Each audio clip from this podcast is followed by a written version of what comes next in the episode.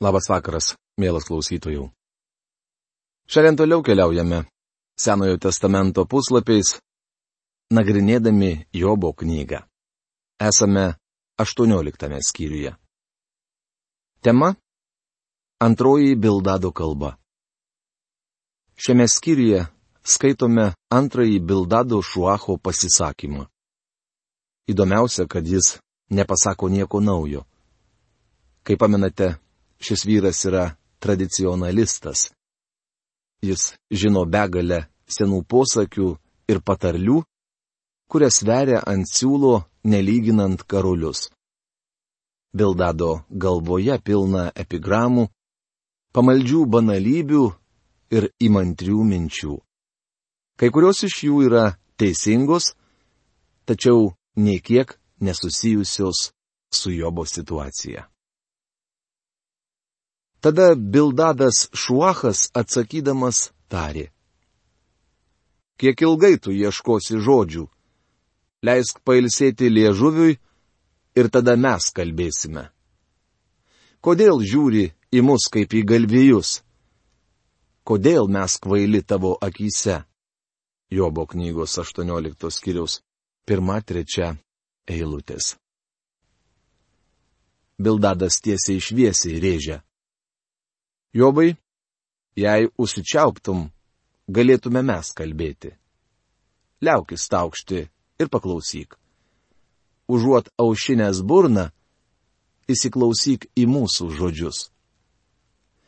Tiesą sakant, visi jie, tiek Jobas, tiek jo draugai, galėjo mažiau kalbėti ir daugiau klausytis, tačiau šiuo metu jie dar nepasirengę išgirsti Dievo balso. Dievas ruošia Jobą, kad šis galėtų išgirsti jo balsą. Bildadas klausė Jobo, kodėl jis į juos žiūri su tokia panieka ir laiko kvailiais. Atsakymas akivaizdus. Juk jie patys taip žiūri į Jobą. Štai kodėl aš tvirtinu, kad kol kas varžybų rezultatas lygus. Nelaimi nei Jobas, nei jo draugai. Manau, šių debatų metu buvo svaidomasi aštriais žvilgsniais. Buvę Jobo bičiuliai daugiau nebėra jo draugai. Savo pykčiu tik save žaloji. Argi žemės darna dėl tavęs bus suardyta, ar uola bus perkelta iš savo vietos? Jobo knygos 18 skyriaus ketvirta eilutė. Bildadas klausia, ar manai, kad Dievas tvarkysis visatoje, vadovaudamasis tavo užgaidomis? Kaip pamenate, šis vyras tradicionalistas, viską grindžiantis praeitimi. Jis mano, jog tai, kas pasiteisino praeitie, pakankamai gera ir šiandien. Jobai, ar negali parodyti nors kiek nuovokos ir suprasti, ką sakau? Negi manai, kad kaltindamas mus kompetencijos toka ir nirždamas ant Dievo, išsivaduosi iš pinklių, į kurias esi patekęs. Iš tikrųjų, nedorelio šviesa užgesinta ir jo ugnies liepsna nebešviečia. Jobo knygos 18 skyriaus 5 eilutė. Griniausia tiesa, tačiau ji visiškai netaikytina Jobui. Šviesa jo palapinėje aptemusi ir žibintas virš jo galvos užgesintas. Jo platus žingsniai susiaurėja, jam kiša koja jo paties kėslai. Savo paties kojomis jis patenka į vilkduobę, užžengia ant spastų. Jobo knygos 18 skyriaus 6-8 eilutės. Jobai, tu įkliuvai lyg žuvis į tinklą ir mes čia nieko dėti. Mes stengiamės tau padėti, bet tu mūsų nesiklausai. Ši nelaimė ištiko tave dėl slaptos nuodėmės. Tu užžengiai ant spastų. Spastai sučiumpa jį už kojos kilpa jį pagauna. kilpa jam paslėpta žemėje, spastai ant tako. Jobo knygos 18 skyriaus 90 eilutės. Spastai sučiups tave už kojos. Įkliuvai it meška į spastus, nes žaidėjai su jauku. Antrai nebūtum įkliuvęs. Kaip matote, Bildadas porina pamaldžias banalybės ir nagrinėja jas tarsi geometrijos teoremas. Pirmiausia jas įrodo, o tuomet prieina išvada. Ir uždavinys išspręstas. Tačiau gyvenimas tai ne teorema. Visų pirma, gyvenime lengva padaryti klaidingų prielaidų. Jei prielaida teisinga, tuomet ir išvada yra gera. Bet jei prielaida klaidinga, tai išvada taip pat neteisinga. Jei A lygų 10, o jūs prilyginate ją 15, uždavinio sprendimas bus klaidingas, net jei spręsite jį teisingai. Visi šie vyrai bando užrašyti savo formulės, tačiau grindžia jas neteisingomis prielaidomis. Bildadas greitai rado sprendimą. Jobas į pastus įkliuvo dėl savo kalties, kitaip ir būti negali. Nes savo kojomis jis įklius į tinklą ir užeis ant pinklių, verčia profesorius Algirdas Jurienas. Iš visų pusių jį gazdina baidyklės, vejasi iš paskos. Alkis atima jam jėgas nelaimė stovi šalia ir laukia. Liga naikina jo odą, mirties pirmagimis maitinasi jo sanariais. Mirtis paima jį iš palapinės, kur gyveno saugus, ir nutempia pas siaubo karalių. Dabar bet kas gali gyventi jo palapinėje. Siera išbarstoma tavo buveinėje. Apačioje jam padžiūva šaknys, viršuje nuvysta jo šakos. Visų užmirštas jis žemėje. Niekas daugiau nebeatsimena, kad jo būta. Jobo knygos 18 skyriaus 11-17 eilutės. Bildadas tvirtina, kad lyga sunaikins nedorėlio kūną. Dievo ugnis prarys jo namus ir jo vardas bus užmirštas žemėje jo šeima pražus. Jis neturės nei sunaus, nei vaikaičio. Ateities kartos baisėsis jo sunaikinimu. Visą tai taikytina nedorėliui, bet niekaip nesusijęs su jobu. Štai kodėl aš manau, kad sielovada nūdien dažnai esti pavojinga. Mano įsitikinimu, yra daug puikių krikščionių psichologų, pažįstu kelis iš jų ir tikrai galėčiau juos rekomenduoti. Tačiau daugelis psichologų padaro neteisingų prielaidų ir dėl to negali tinkamai patarti. Draugai stengiasi patarti Jobui, bet neįstengia to padaryti. Bildadas tvirtina, kad nedorėlis bus teisiamas, jis bus nušluotas nuo žemės paviršiaus. Tai tiesa. Pažiūrėkite, kai baigė gyvenimą Hitleris, Stalinas ar kuris kitas diktatorius. Jie kasdien merdėjo. Nors Bildado teiginys teisingas, Jobas jokių būdų nėra toks žmogus. Išvarytas jis iš šviesos į tamsybę, išvytas iš gyvųjų pasaulio. Jobo knygos 18 skyriaus 18 eilutė. Tai vaizdingas nedorėlio apibūdinimas, tačiau jis nieko bendro neturi su Jobu. Be sunaus, be vaikaičio savo tautoje, nei išlikusio gyvo nei vieno jo buveinėje. Vakarų šalių gyventojai baisisi jo likimu, rytiečius apima siaubas. Jobo knygos 18 skyriaus 19-20 eilutės. Visi žmonės nori turėti sunų, dukterų ir vaikaičių. Jie mūsų džiaugsmas ir pasididžiavimas. Kartais nedorėliai susilaukia daugiau palikonių už teisiuosius. Šiuo metu Jobas nebeturi nei vieno vaiko. Visi jie žudyti. Bildadas elgesi žiauriai taip kalbėdamas su Jobu. Vėliau matysime, kad Dievas bus maloningas Jobui ir duos jam daugiau vaikų. Tikrai tokios nedoro žmogaus buveinės. Tokia vieta žmogaus, kuris nepažįsta Dievo. Jobo knygos 18 skyrius 21 eilutė. Bildadas apibūdina nedorelius, parodo jų būklę ir galą. Jis priskiria Jobą prie nedorelių ir tvirtina, kad jis priejo liepto galą. Bildadas sako, štai tokie nedorelio popieriai. Žinoma, žvelgiant į aplinkybės, atrodo, kad Jobas atitinka šį apibūdinimą.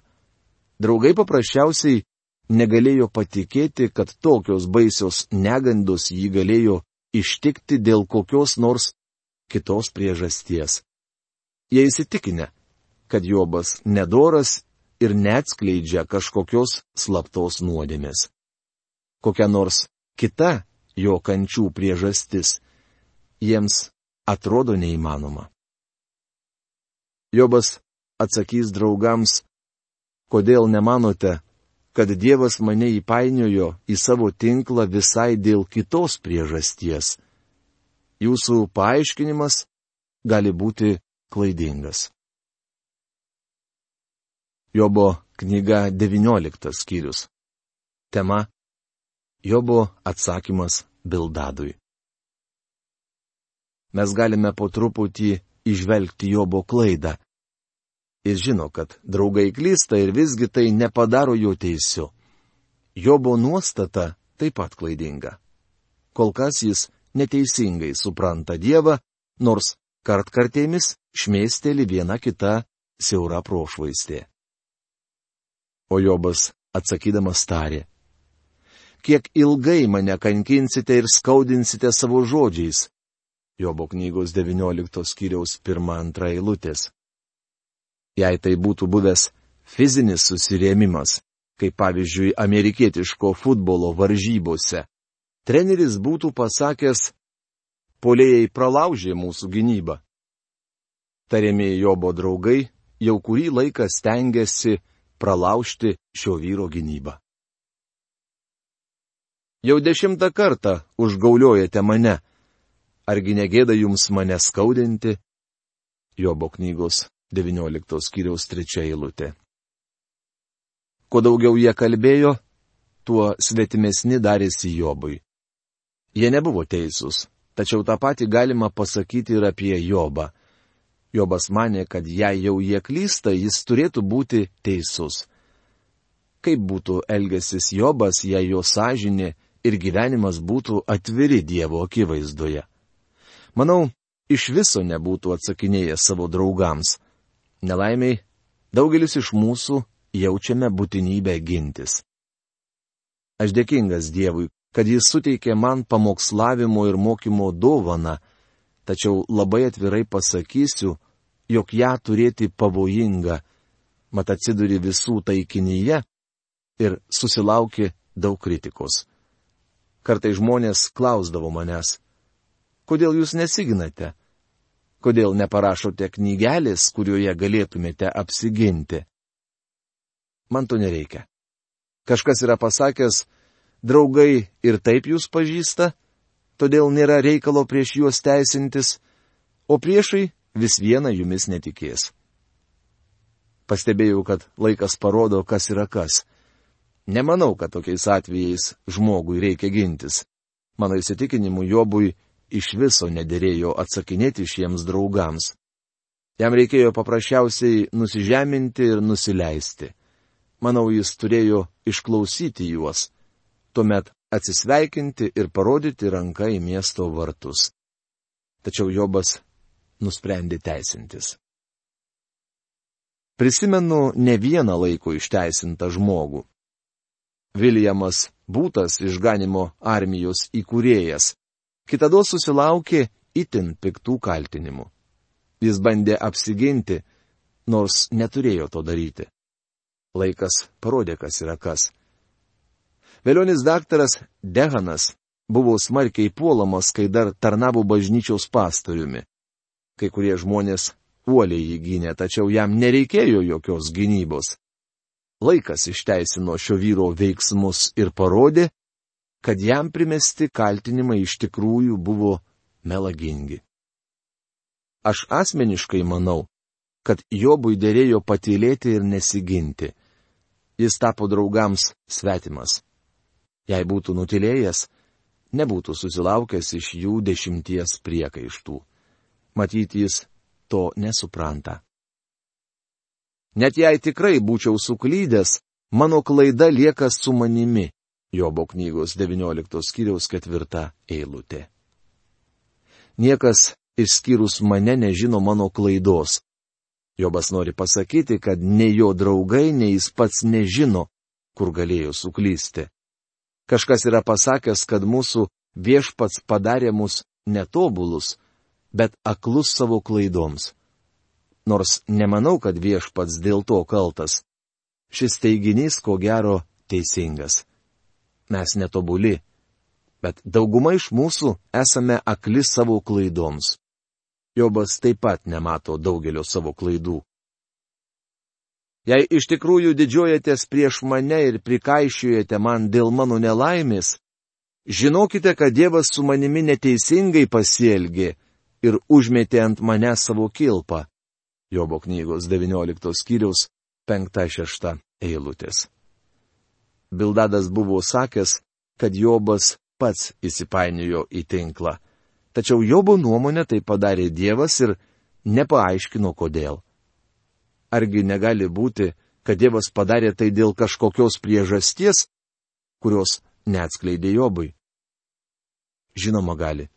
Tačiau draugai tvirtai įsitikinę, kad jų paaiškinimas teisingas. Toliau Jobas graudena savo draugus. Net kai šaukiu smurtas, nėra kas atsakytų. Net kai reikiu, nėra kas su manimi teisingai elgtųsi. Jis taip užtvėrė man kelią, kad nebegaliu praeiti ir apgaubė mano taką tamsybę. Jis nuvilko nuo manęs mano garbę ir nuėmė vainiką mano galvos. Jis triuškina mane iš visų pusių, išrovęs mano viltį kaip medį. Jis supyko ant manęs ir įniršo, laiko mane vienu savo priešininkų. Jobo knygos 19 skyriaus 7-11 eilutės. Jobas sako, kad Dievas elgesi su juo labai širkščiai ir tam turėtų būti kažkoks paaiškinimas.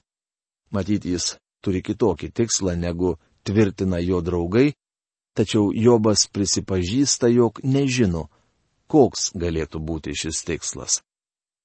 Toliau jis kalba, kad broliai atitolo nuo jo, pažįstami jam visiškai atšalo, draugai juo nesirūpina, jo tarnaitės laiko jį svetimu, tarnai neatsiliepia į jo šauksmą, o žmona bjaurisi jo kvapu. Net paaugliai tyčiojasi iš Jobo. Jis toks sulysęs, kad sako, vien oda ir kaulai liko iš manęs, vos vos išsigelbėjau. Jobo knygos 19 skyriaus 20 eilutė. Jobas prašo, kad draugai jo pasigailėtų. O kad mano žodžiai būtų užrašyti, o kad jie būtų surašyti į knygą, o kad geležies plaktuku ir švinu jie būtų amžinai iškalti ant uolos. Jobo knygos 19 skyriaus 23-24 eilutės. Jobas trokšta, kad jo žodžiai būtų surašyti į knygą.